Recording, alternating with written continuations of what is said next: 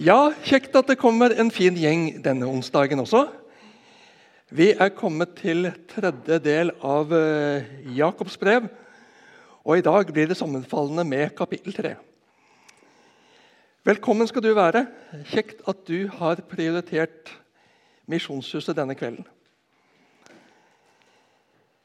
Så skrev jeg på Facebook eh, noe sånn som at Er du klar til å bli utfordret? Jeg jeg utfordres av Jakob, jeg utfordres av Guds ord. Og jeg kjenner meg litt i glasshus. Eh, og jeg kjenner på til dels det ubehagelige med å bringe videre de utfordringer som eh, kommer opp i meg, og som jeg eh, møter i ordet. Og så ber jeg om at eh, dere må kjenne etter. Hva er fra Gud, og hva er fra Frank? Det som er fra Frank, kan dere la passere. Det som er fra Gud, skal dere ta imot. Sånn skal det alltid være, men jeg kjenner virkelig behov for å få si det i dag. Noen ganger kjenner en mer på det enn andre. Og la oss, før vi går i gang med å lese og graver i Jakobs brev kapittel 3, la oss be sammen om Åndens ledelse og virke i oss og mellom oss. Himmelske Far, Herre Jesus Kristus, du hellige ånd, takk for at du er her. Du vil ha fellesskap med oss, du vil tale til oss, du vil prege oss, forme oss. Du vil holde oss tett inntil deg. Og Jeg ber om at du må få gjøre det du vil i oss og mellom oss og gjennom oss. Må ikke jeg stå i veien for deg. Må ikke jeg villede eller komme med bare egne tanker, men jeg ber om å få være et redskap i din hånd, at du får gjøre din gjerning. Gjennom og på tross av ettersom du ser. Vi legger oss i dine hender. Tal til oss, du. Amen.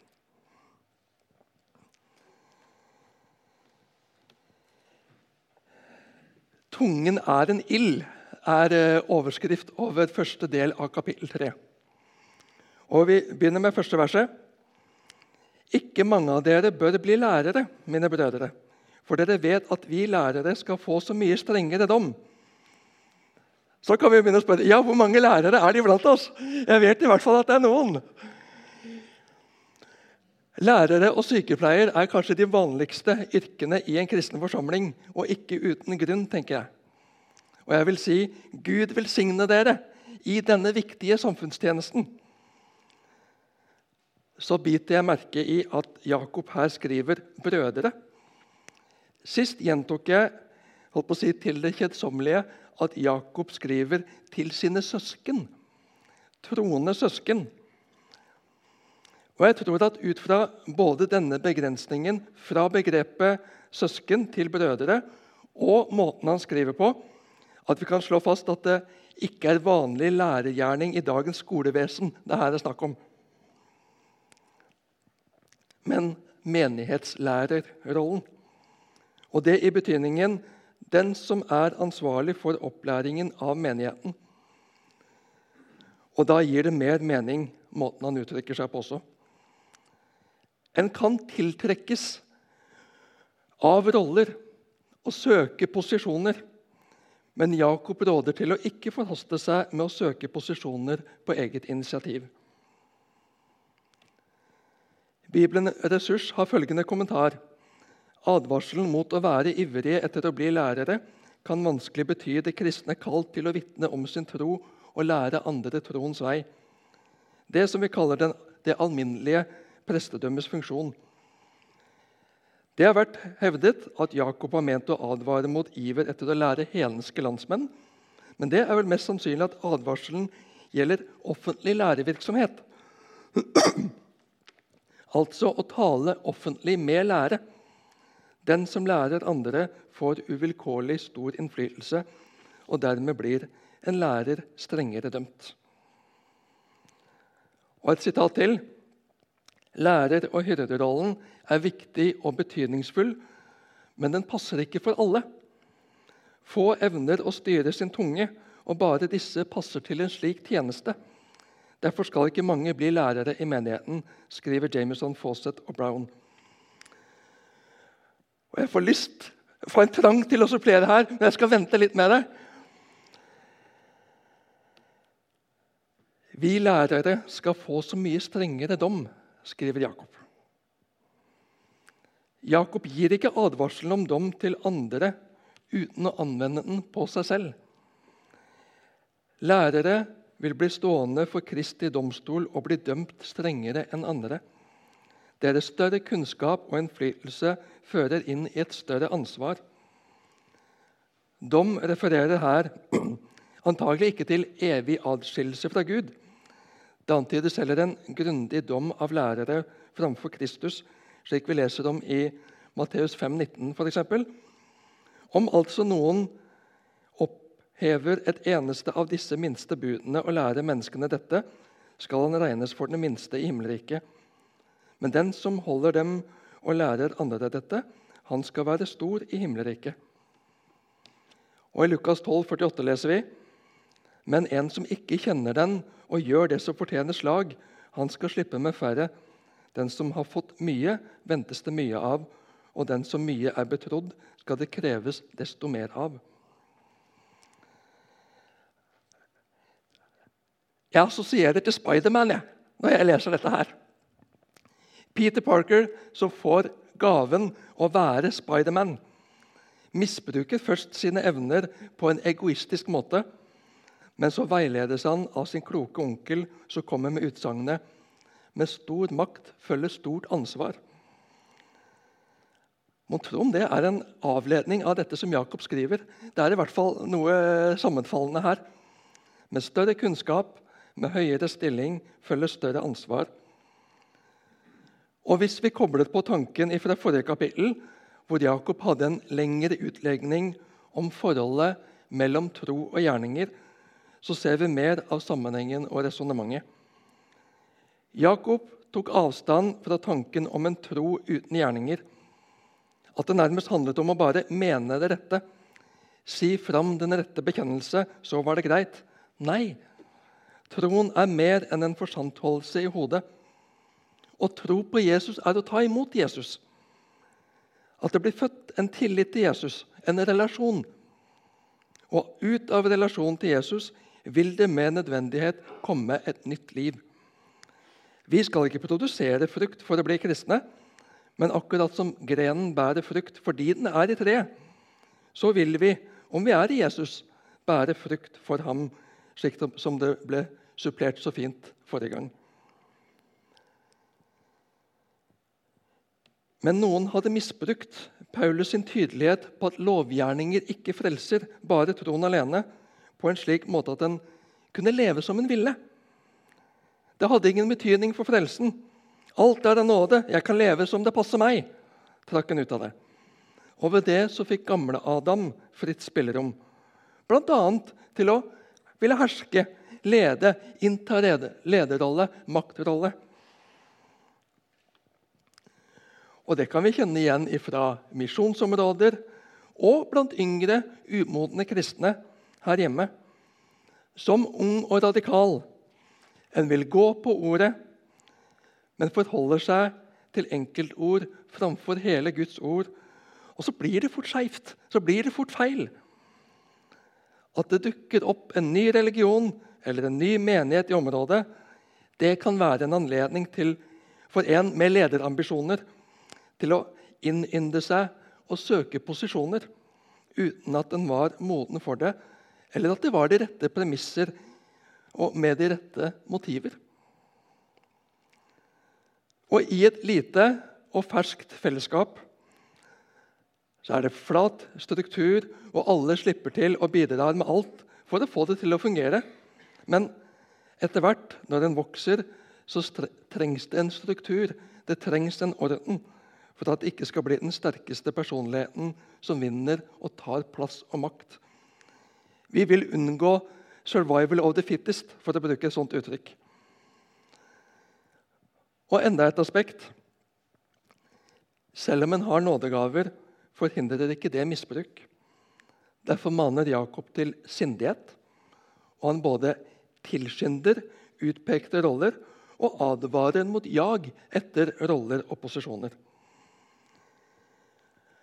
Og Da blir det relevant for oss som menighet å spørre hvordan skal vi gå fram for å få de rette personer i lederroller? Hvordan frimodiggjøre de vi ser som gode lederemner? Og hvordan kanalisere engasjement til rett sted og til rett oppgaver? Eh, hva har jeg skrevet der? Mm. Hvordan kanalisere engasjement til rett sted, rette oppgaver, de som, hvor en ser at noen er vel frimodig på egne vegne. Jeg vil at du skal bruke litt tid og tenke for deg sjøl. Noter gjerne. Jeg har lagt ut som sist uh, penn og papir og skrivebrett der nede om du vil bruke det. Eller bruke telefon, eller noen har med seg bok og notere i. Tenk litt for deg sjøl, og så snak, etter å ha summa litt for deg sjøl, snakke med sidemannen to eller tre, sånn som dere sitter.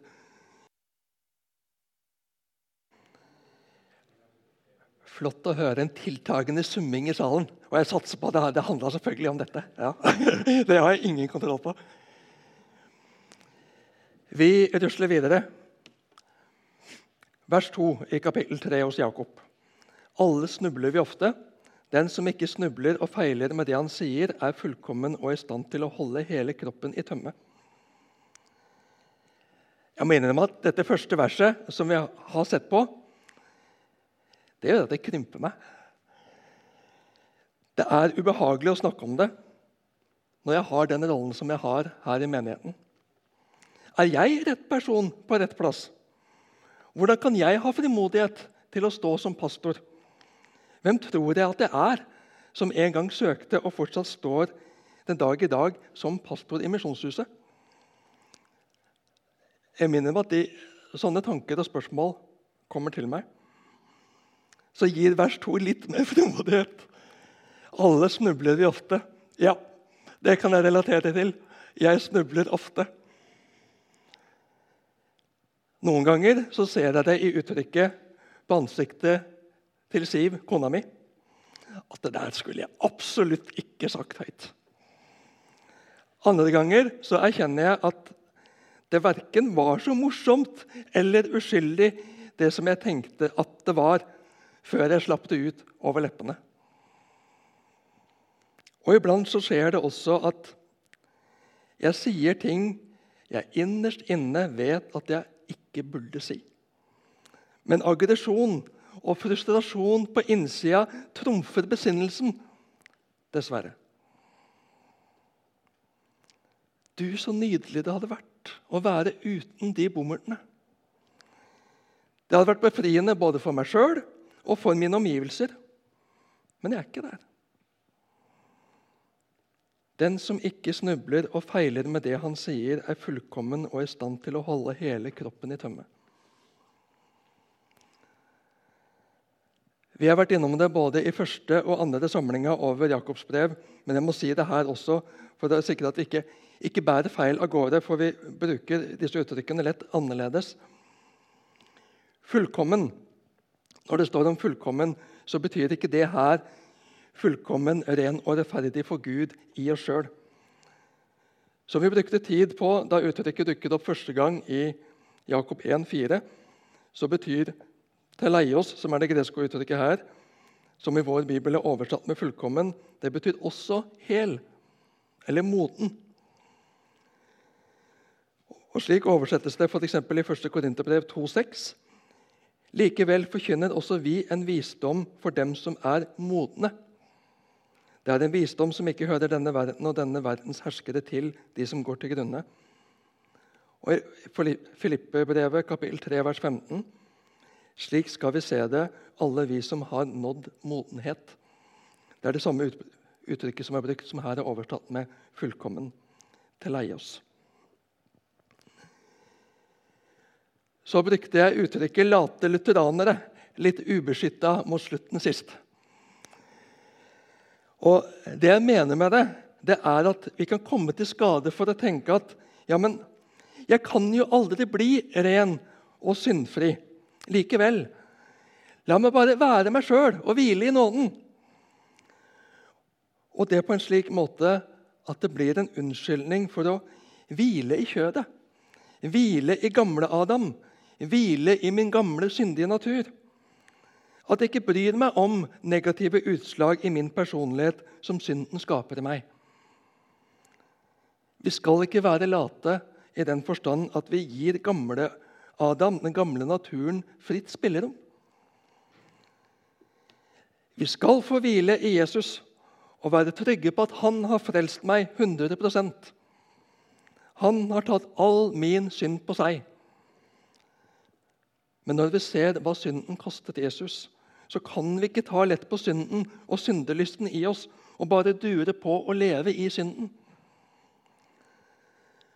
Og der har vi i vår tradisjon, tror jeg, vært strengere på de som sliter med å styre sexlysten, enn de som sliter med å styre snakketøyet. Men begge deler er skadelig når det ikke kontrolleres. Og begge deler trenger vi å leve innenfor Gud med. Å formes og ledes av ham og få vokse i modenhet i ham.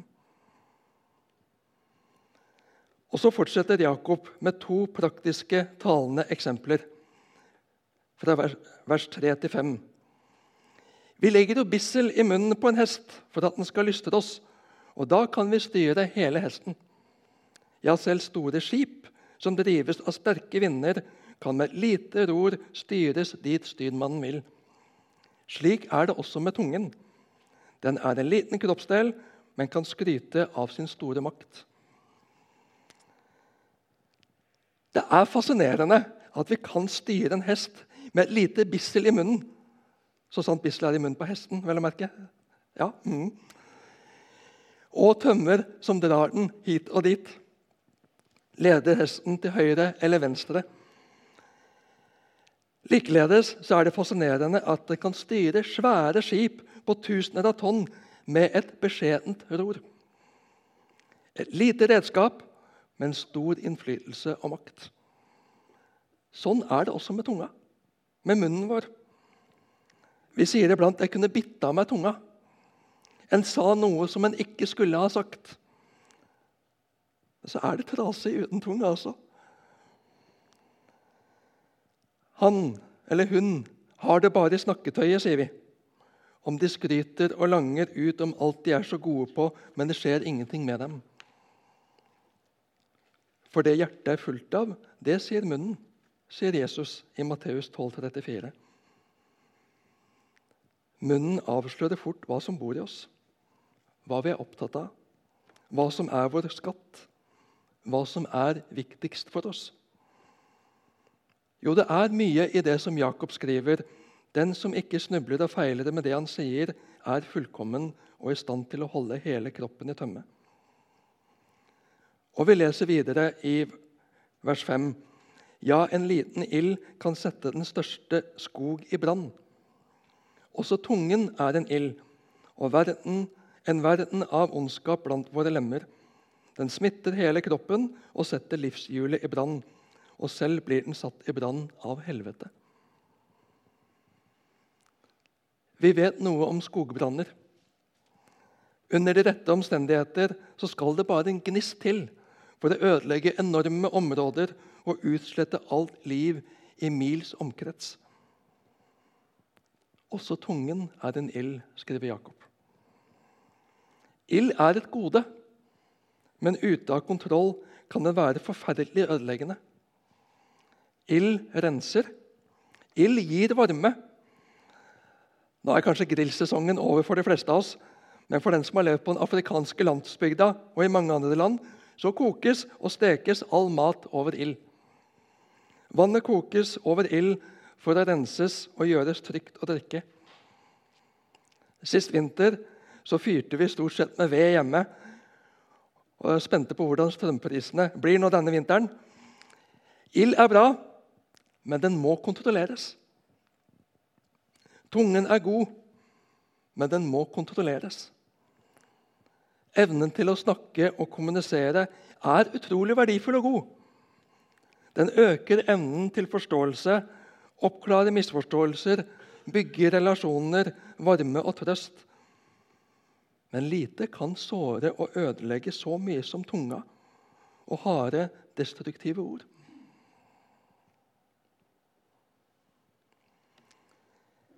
Livshjulet.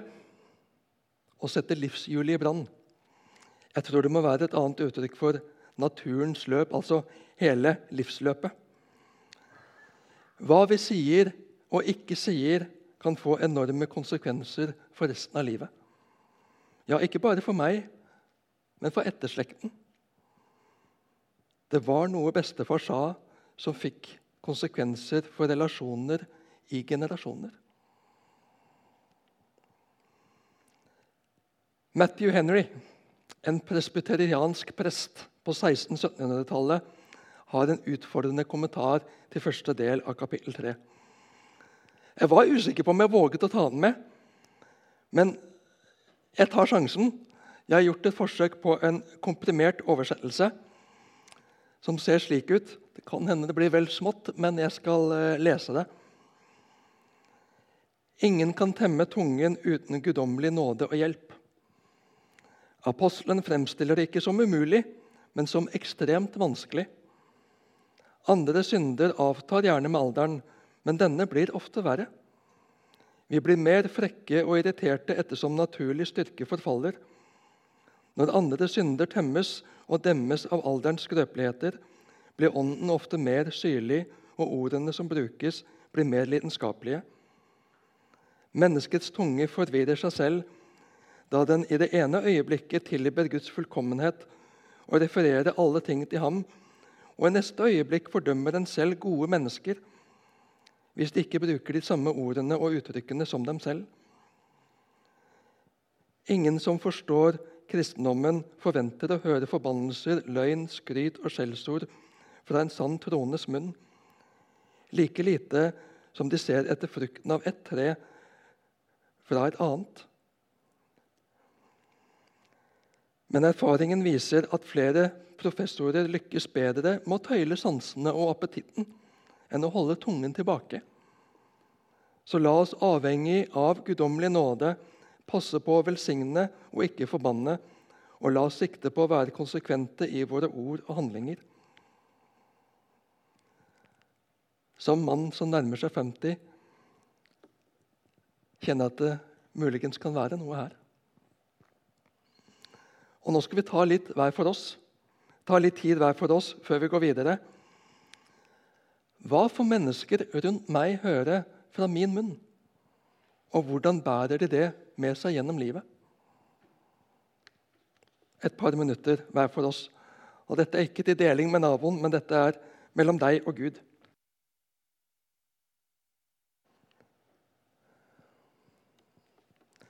Jakob kommer med flere eksempler som han sammenligner tungen med, snakketøyet med.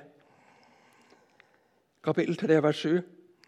Alt i naturen, både ville dyr og fugler, krypdyr og fisk, kan temmes og har blitt temmet av mennesket, som selv er en del av naturen.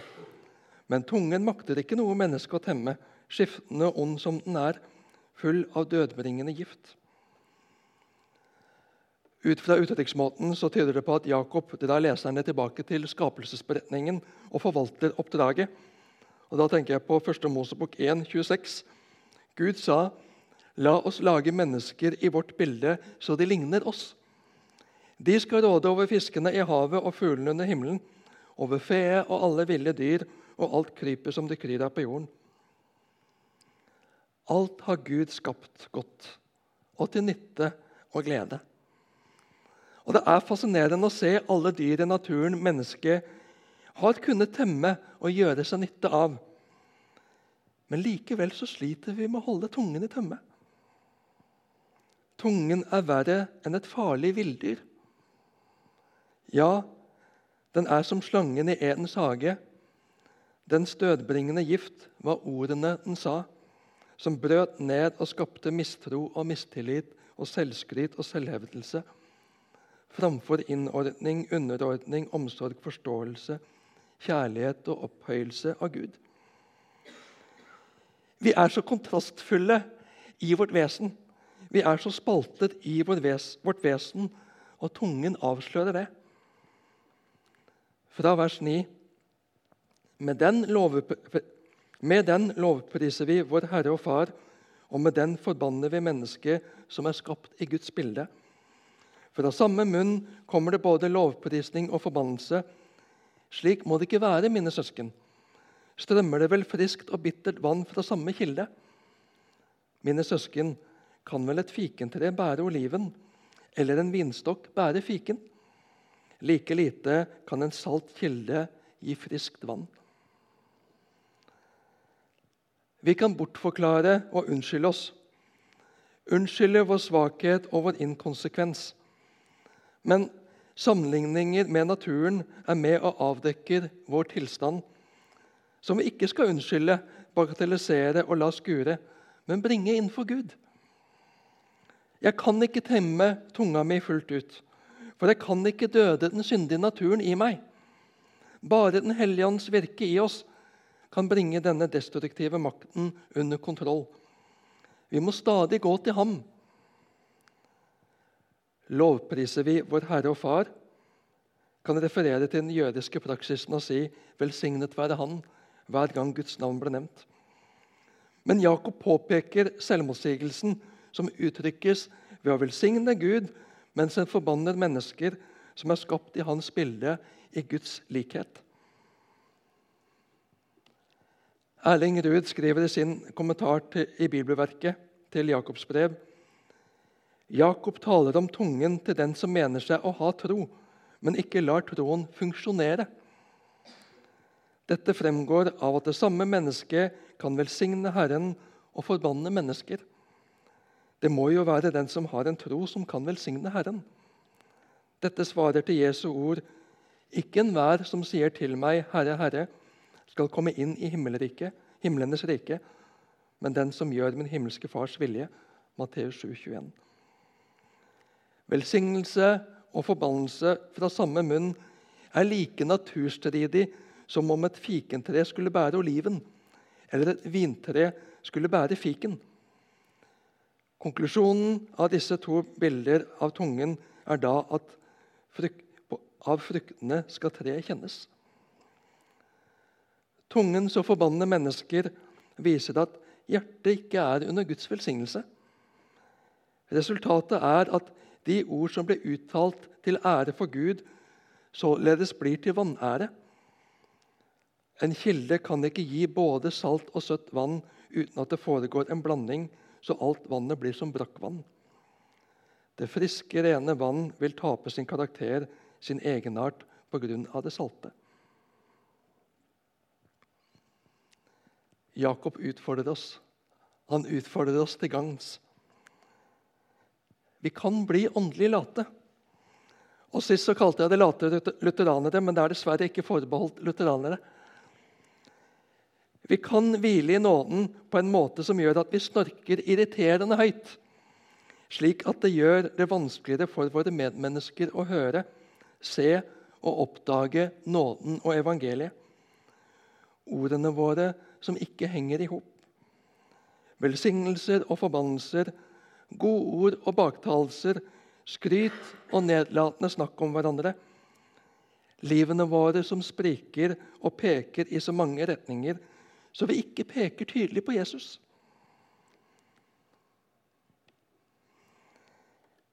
Jeg frelses ikke av mine gode gjerninger, men livet mitt, som er til glede for mennesker rundt meg, kan gjøre at de ser at Frelseren betyr noe for meg og har fått gjøre noe godt i livet mitt.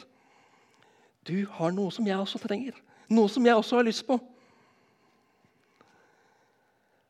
På generalforsamlinga i sommer så fikk vi høre fra en utsending som bor og jobber i Indonesia, blant et folk hvor tradisjonell misjon og forkynnelse er umulig. Han fortalte om ansatte i businessen de driver, som spurte hva er det med vennene deres som, som var her på besøk. De var så annerledes, og altså i positiv forstand. Og Det ga en anledning til å dele tro. Han som vi tror på, og som virker positivt i våre liv. Om livet mitt er fragmentert med løsrevne biter som ikke henger sammen, at troen og han som jeg tror på, ikke får prege og gjennomsyre alle deler av livet mitt. Hvordan jeg er overfor og snakker med mine nærmeste. Hvordan jeg møter naboer og kollegaer. Hvordan jeg forholder meg til trafikken. Hvordan jeg forholder meg på butikken. I sosiale, sosiale medier og kommentarfeltene. Og hva jeg fyller sin tid og tanker med. Så blir bildet menneskene rundt meg ser, brokete, forstyrret og usammenhengende. Bildet jeg gir av min mester, frelser og far, kan bli både utydelige og lite flatterende. Det handler ikke bare om å tro seg frelst. Det handler om å leve nært, åpent og oppgjort med far, så han får oppdra, forme, lede og prege meg. At livet mitt blir til hans ære. Min tunge avslører kildens tilstand, altså hjertets tilstand. Så er det stadig avhengig av underenes Gud. At Gud gjør under meg som i Mara, slik vi leser i 2. Mosebok kapittel 15. Moses lot Israel bryte opp fra Sivsjøen, og de kom til ørkenen Sjur. De gikk tre dager i ørkenen uten å finne vann. Så kom de til Mara. Men de kunne ikke drikke vannet i Mara fordi det var bittert. Derfor ble stedet kalt Mara. Folket klaget til Moses og sa, 'Hva skal vi drikke?' Da ropte han til Herren, og Herren viste ham et tre. Det kastet han i vannet, og vannet ble friskt. Treet renset vannet. Ufattelig. Men ingenting er umulig for Gud. Vi skal få gå til et annet tre korsets tre, med vårt beske vann, vårt salte vann, som stadig veller ut av oss. Vi kan ikke ta tilbake de ordene som er sagt, annet enn at vi overfor noen kan få anledning til å be om tilgivelse.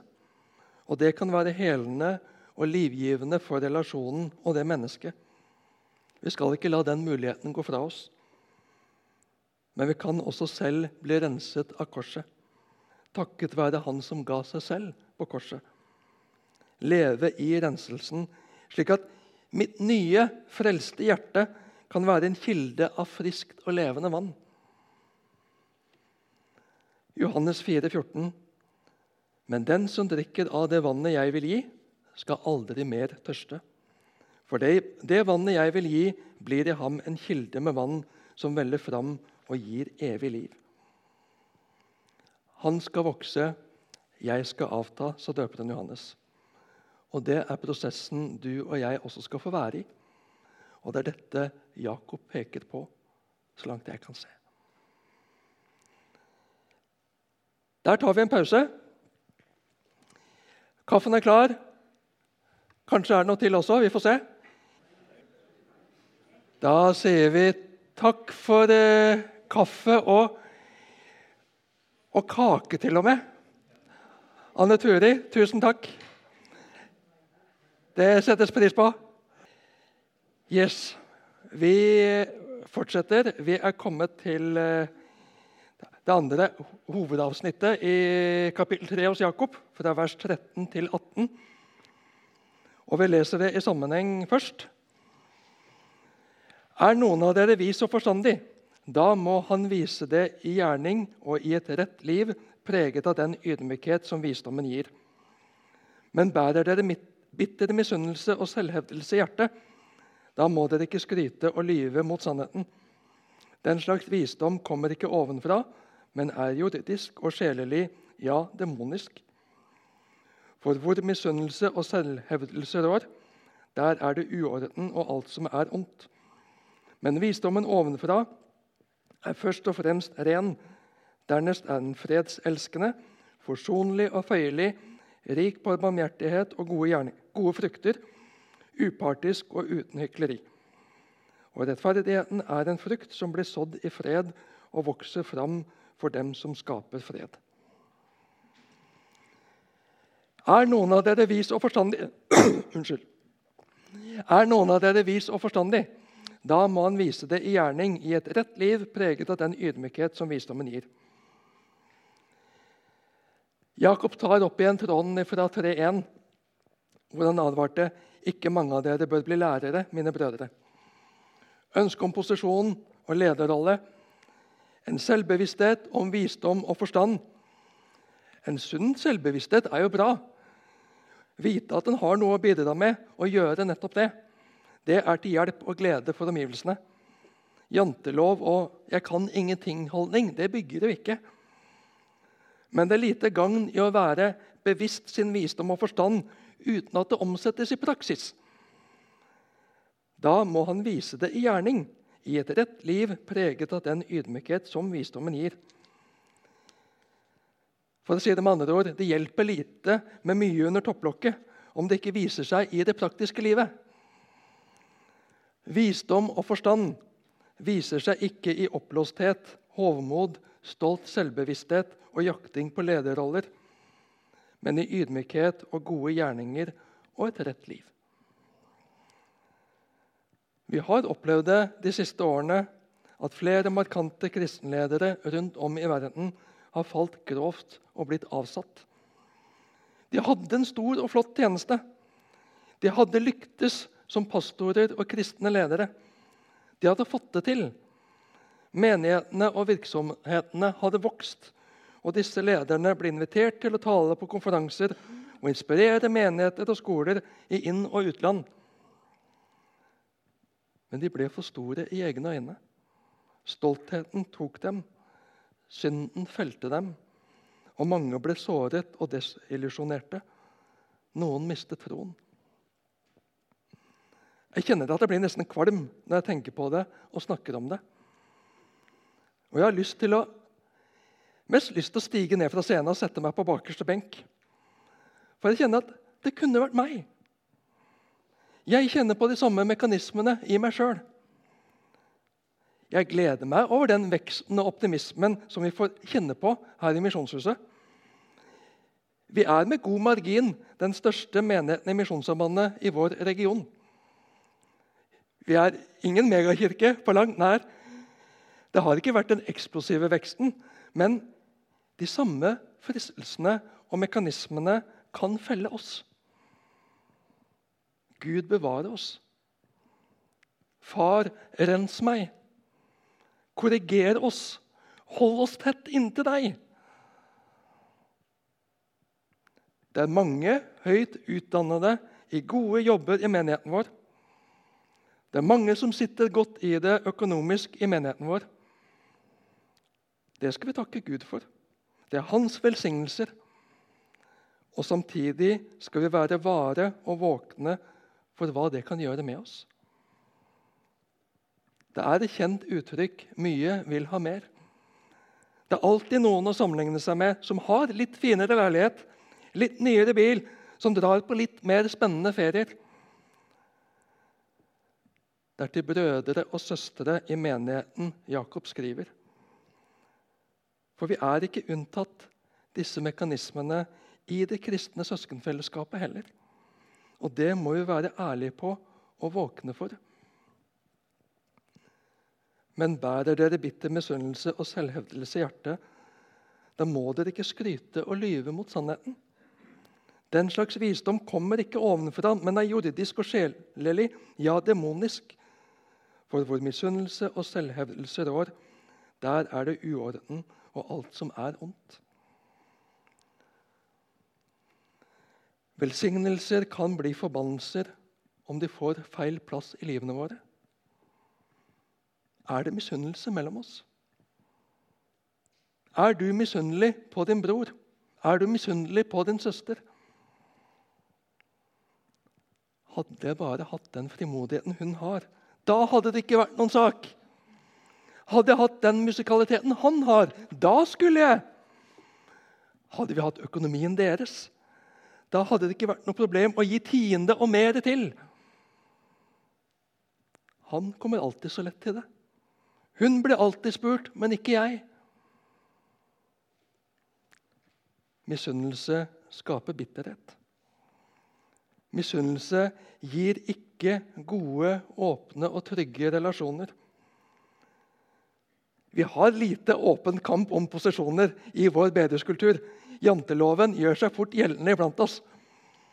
Men på innsida hva rører seg der? Det er bare vi sjøl som vet.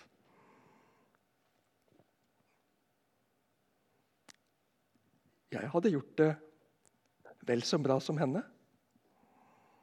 Hadde jeg blitt satt i jobben istedenfor ham, da hadde det gått mye fortere. I vår tid snakkes det om din sannhet og min sannhet. Det er sant for meg, og noe annet er sant for Det er sant for deg, noe annet er sant for meg. Det er jo en logikk vi som kristne ikke kan akseptere. Sannheten er én og den samme for alle, egentlig. Samtidig så har vi fort hver våre historier og hver våre fremstillinger av hvordan ting skjedde, og hvordan ting henger sammen. Og så anklager vi hverandre, mistenker hverandre, kanskje til og med beskylder hverandre ut fra min sannhet, ut fra mitt perspektiv. Jeg forholder meg til min side av saken, men jeg ser ikke og lytter lite til din side av saken. Og så blir vi stående steile på hver vår side. Det blir lite ydmykhet og forståelse. Og søskenkjærligheten blir vanskelig å oppdage. Stoltheten blir et voksende fjell imellom oss. Visdom og forstand i Guds perspektiv måles ikke i mastergrader og doktorgrader, i stillinger og verv, CV-er eller lønningslister og formue. Den viser seg god gjerning, i et rett liv preget av den ydmykhet som visdommen gir. At vi stiger ned fra posisjonene våre, om de er av formell eller uformell art, deler liv og lytter til hverandre, tar imot hverandre og tjener vår neste med et åpent hjerte. Vi kan kjempe for sannheten på en sånn måte at min sannhet må vinne fram. Min sannhet må få makt. Min sannhet må få posisjon. Og I kristne sammenhenger så kan vi tåkelegge diskusjonen og misbruke makt og binde hverandre ved å påberope oss Guds sannhet i motsetning til vår motpart. Jeg er bare bibeltro. Og så lytter vi ikke til hverandre selv om begge parter ønsker inderlig å ta Guds ord på alvor og følge og leve etter det. Men visdommen ovenfra er først og fremst ren. Dernest er den fredselskende, forsonlig og føyelig, rik på barmhjertighet og gode frukter, upartisk og uten hykleri. Og rettferdigheten er en frukt som blir sådd i fred og vokser fram for dem som skaper fred.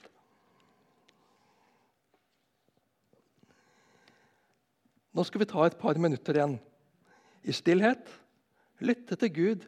Lytte til Den hellige ånd.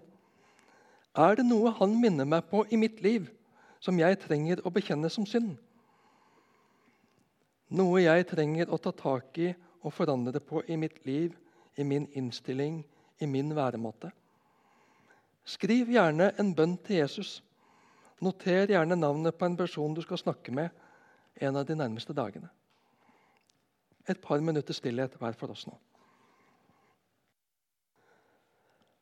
Jeg vil gå et skritt tilbake og se nærmere på noen av de begrepene som er brukt i avsnittet som vi har sett på sammen.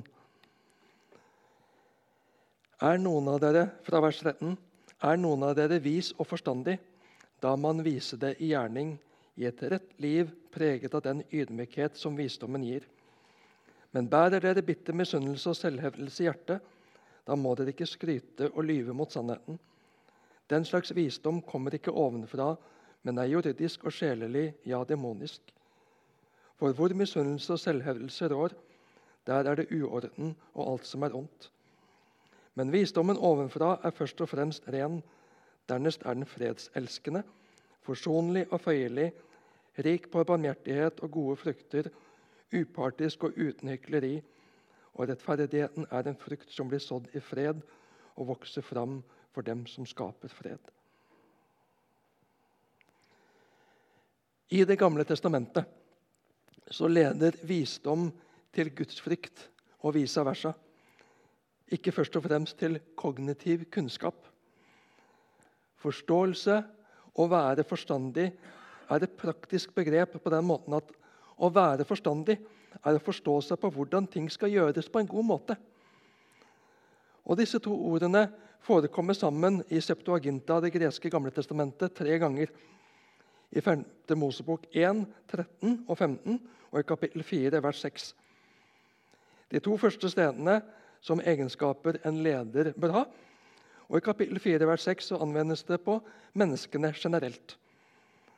Og Jakob bruker sannsynligvis disse kjente begrepene fra loven de jødekristne var opplært i, på samme måte for å referere både til lederne av kirken og til hele menigheten.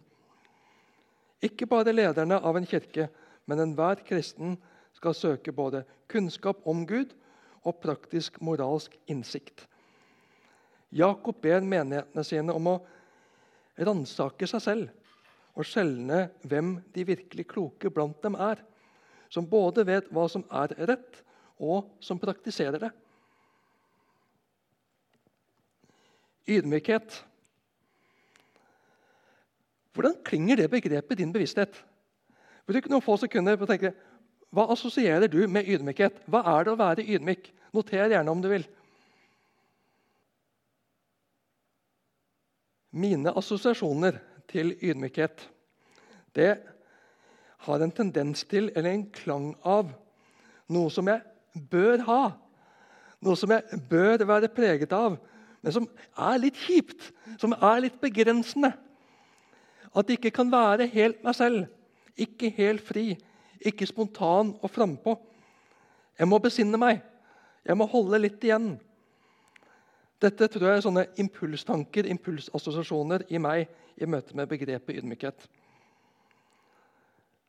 Men når jeg faktisk setter ord på det på en slik måte som jeg nå har gjort, så ser jeg jo at det er en total avsporing.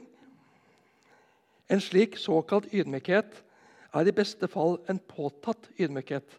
En påklistra ydmykhet men ikke en virkelig, ekte ydmykhet, slik poenget er hos Jakob. I det greske begrepet som brukes her, så ligger både mildhet og ydmykhet. Og I Det nye testamentet framstår det alltid som positive karakterer. Altså, I den grad at det er vingeklippende og begrensende, så er det overfor gamle Adam.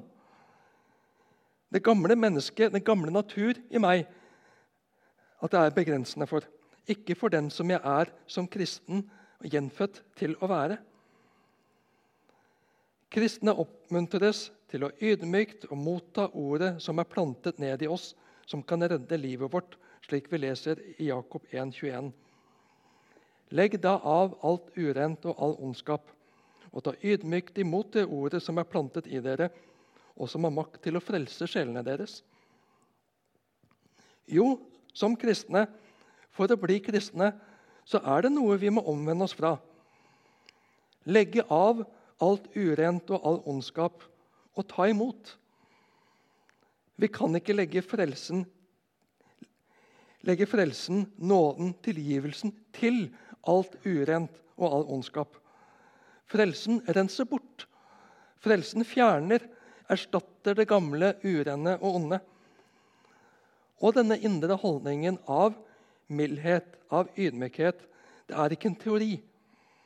Det manifesterer seg alltid utad. Det finnes ikke noe som heter en mild og ydmyk holdning som ikke uttrykker seg i mildhet og ydmykhet i forhold til andre mennesker. Vi hører det iblant når folk får en flott jobb eller går inn i nye, spennende oppgaver som oppleves som store. Så sier den at jeg er ydmyk i møte med oppgavene. Og Det høres så fint ut. Og jeg må nok erkjenne at jeg har nok, kommet, har nok sagt det sjøl òg. Men ydmykhet det er ikke noe en kan påberope seg eller smykke seg med. Ydmykhet vises og merkes, eller så er ydmykheten fraværende. En kan kjenne på en ærefrykt, en redsel for å mislykkes, en redsel for å falle igjennom, men det er baksiden av stoltheten, ikke ydmykhet i bibelsk forstand. Derfor er god oppførsel, rett liv, resultat av den mildhet, av den ydmykhet, som sann og ekte visdom viser seg ved. Ydmykhet er åndens frukt, leser vi om i Galaterne 5. Like fullt så står det at kristne skal kle seg i ydmykhet. Ikke bare mot hverandre, men mot alle mennesker. Kampen er der. Vi er ikke hele. Vi står ikke frelst og fri hjemme hos far ennå. Kampen mellom den gamle og nye natur er høyst reell. Men det skal ikke være noen tvil om hvilken vei den kristne orienterer seg, og hvilken natur en vil mate, hva en vil preges av. Ja, den som synder, skal rettledes og reises opp i en ånd av ydmykhet. Guds tjener skal ikke krangle, selv med sine motstandere. En skal heller veilede dem i ydmykhet med sikte på deres omvendelse, leser vi om i 2. Tim 2 og 1. Peter 3. Jakob 3, 14 og 15. Men bærer dere bitre misunnelse og selvhevdelse i hjertet, da må dere ikke skryte og lyve mot sannheten. Den slags visdom kommer ikke ovenfra, men er jordisk og sjelelig, ja, demonisk. Begrepet iver, selos, som er det greske begrepet her, spenner i betydningen fra de positive begrepene entusiasme og ivrig engasjement til de negative sjalusi og misunnelse. Og Da iveren her i Jakob 3, 14 er bitter, og sammen med egoistisk ambisjon, altså selvhevdelse i hjertet, som det står, så er begrepet klart negativt i denne sammenheng. Derfor oversettes det her med misunnelse. Misunnelse søker det beste for meg, uavhengig av hva som kan være bra for den andre, og foretrekker at andre i grunn har litt mindre enn en selv, enten det gjelder eiendeler eller muligheter. I en gruppesammenheng kan bitter misunnelse manifestere et sterkt ønske om å fremme sin egen mening på bekostning av andres. Dette er ikke drevet av visdom fra Gud. Her er det andre krefter som råder, selv om det kan opptre kamuflert og med åndelige og fine ordelag. For hvor misunnelse og selvhevdelse rår, der er det uorden og alt som er ondt. Men visdommen ovenfra er først og fremst ren. Dernest er den fredselskende, forsonlig og føyelig, rik på barmhjertighet og gode frukter, upartisk og uten hykleri. Og rettferdigheten er en frukt som blir sådd i fred og vokser fram for dem som skaper fred. Den viktigste karakteristikken av guddommelig visdom det er at den er ren. At den er fri for forurensning. Bitterhet, misunnelse og egoistisk oppførsel ødelegger et menneske og menneskelige relasjoner og skaper uorden og vondt mellom mennesker. Guddommelig visdom, visdom ovenfra, er freds, fredsommelig, fredselskende. Noe som beskriver en ånd av ro og mildhet. Det er ikke å nedvurdere sannheten bare for å få fred. Det ville være å fremme falskhet. Og visdom fra Gud er upartisk. Den lar ikke vennskap og kjennskap tukle med sannheten. Den favoriserer ingen, men er hel og fri. Den er urokkelig, og den er konsekvent, uten hykleri. Sann visdom er oppriktig og beskjeden, uttrykker Bibelen i ressurset. Den er genuin. Den er den samme hjemme og ute i familien og i menigheten, på arbeidsplassen og blant naboer. Så er det jo fristende å innvende ja, men vi er jo forskjellige personligheter. Vi er forskjellige som mennesker. Noen er fredsommelige og sindige og rolige av natur, mens andre av oss er mer følelsesmennesker og kan være mer oppfarende. Ja, det er sant. Nå er det slik at personlighetene våre eller, det er ikke slik at personlighetene våre ble til før syndefallet. Lynne og personlighet er ikke hevet over syndefallet, dessverre. Derfor kan vi ikke unnskylde oss med å si at 'jeg er bare sånn, jeg kan ikke noe for det'. Men som ulike mennesker så har vi ulike utfordringer. Noen med å tøyle sine sterke følelser. Andre må klare å møte empatisk og forstå dem som har store følelsesmessige utbrudd og svingninger. Alle trenger vi å komme framfor Gud med våre styrker og med våre svakheter. Alle trenger vi både å be om tilgivelse for det som bryter med hans vilje, og å be om å bli mer og mer formet av ham og fylt av hans ånd, av hans visdom. Vi er avhengige av Jesus og hans frelse. Ikke bare for det vi sier og gjør og tenker. Syndefallet preger hvem jeg er, og hvordan jeg er. Hele meg, med alt jeg er, skal jeg få legge under Jesu kors og i hans blods renselse. For omsluttes av Hans nåde.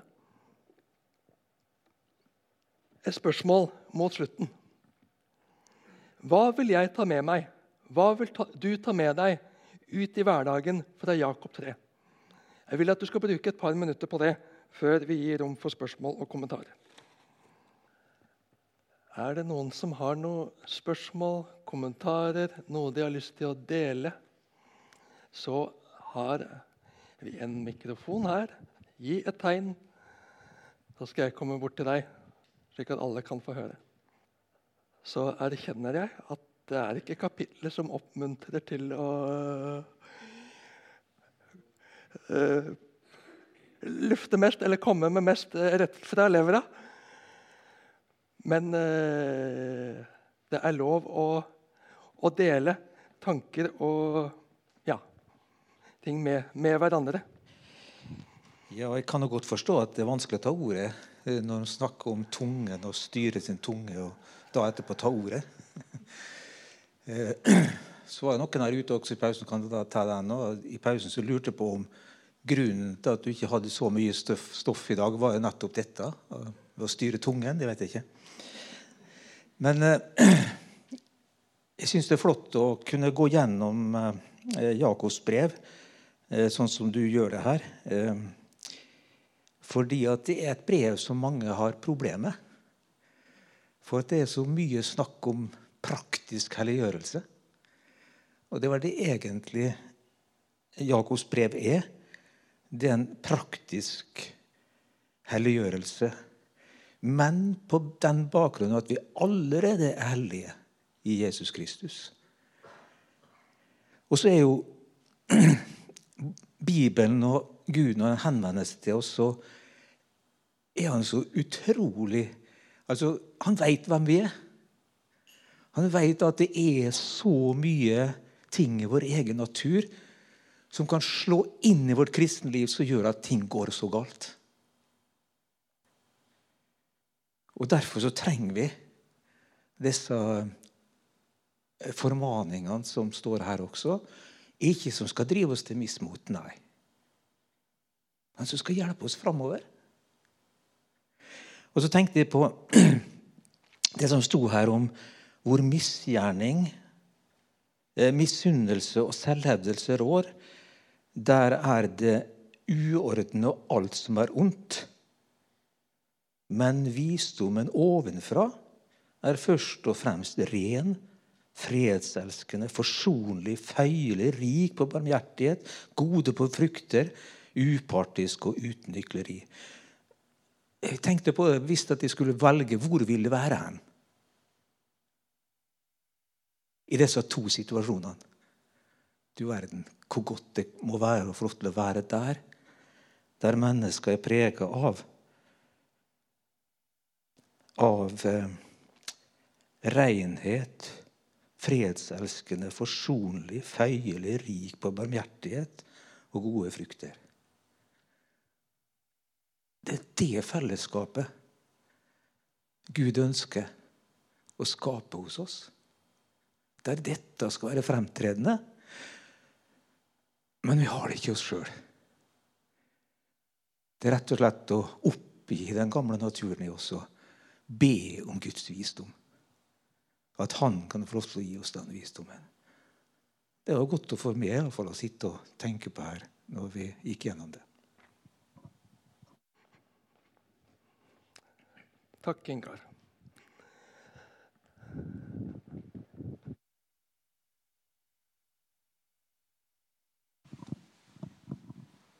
Ja, jeg på en måte har grua meg litt til å høre fra Jakobs brev, for eh, det er ikke lett. Og eh, vi snakka litt om det i pausen. altså Jeg husker jeg leste et eller annet sted at Luther han var ikke helt glad for at det var noe, Luther, noe Jakobs brev. Og jeg strei, må jeg si, når jeg var ung, med alle disse gjerningene som en skulle få til. Og så fikk jeg på en måte løsningen av din bestefar, Øyvind Andersen. For han sa at eh, den som skuer inn i frihetens fullkomne lov og holder ved med det, så han ikke blir en glemsom hører, men en gjerningens gjører. Han skal bli salig i sin gjerning. Altså så sa han det skue inn i frihetens fullkomne lov og holde ved med det. Og så er det andre det er frukt. Jeg kan ikke prestere, men det er frukt. Så det minnet har jeg fra det som heter Forbundshallen en gang. Og det har jeg båret med meg. Takk, Knut. Var det flere? Kari? Jeg sitter her og tenker på mennesker som jeg har vært sammen med og som har levd et sånt liv. Jeg tenker på det med glede og takk. Den aller første er Johannes, min mann. Etter 33 år så sier jeg dette stemmer. Det er et fantastisk minne. Når jeg sitter hører på dette, så sier jeg ja, dette var Johannes sitt liv. En annen person Ei ung dame jeg møtte i Etiopia. Hun var analfabet. Hun fikk lov å gå på skole lite grann. Ved hjelp av ei misjonær som tok henne i skole. Hun var veldig skarp, så hun lærte fort. Men hun har gudsfrykt og ikke menneskefrykt. Gjennomført gudsfrykt. Og, og disse, disse, her beskrivelsene i Jakobs brev som vi hører om, det stemmer på denne jenta. For i alle sammenhenger jeg har sett henne, så, så lever hun i, i Guds frykt og med fred med mennesker rundt seg. Jeg hører aldri Gud snakke ned om noen. Hun kan komme med vurdering, saklig vurdering, men aldri med forakt. Bare med kjærlighet. Det er noen flotte mennesker som er forbilder, og til å takke for. Takk, Kari. Takk til dere tre. Og takk for fellesskap i studiet av ordet. Også, bønnen lever fortsatt. Det som er fra Gud, må få gjøre sin gjerning i oss. Det som er fra mennesker, skal vi få slippe å la fare. La oss be velsignelsen sammen. Velsigne oss, Gud Fader. Velsigne oss, Guds Sønn. Velsigne oss, Gud den hellige ånd. Amen. Takk for nå.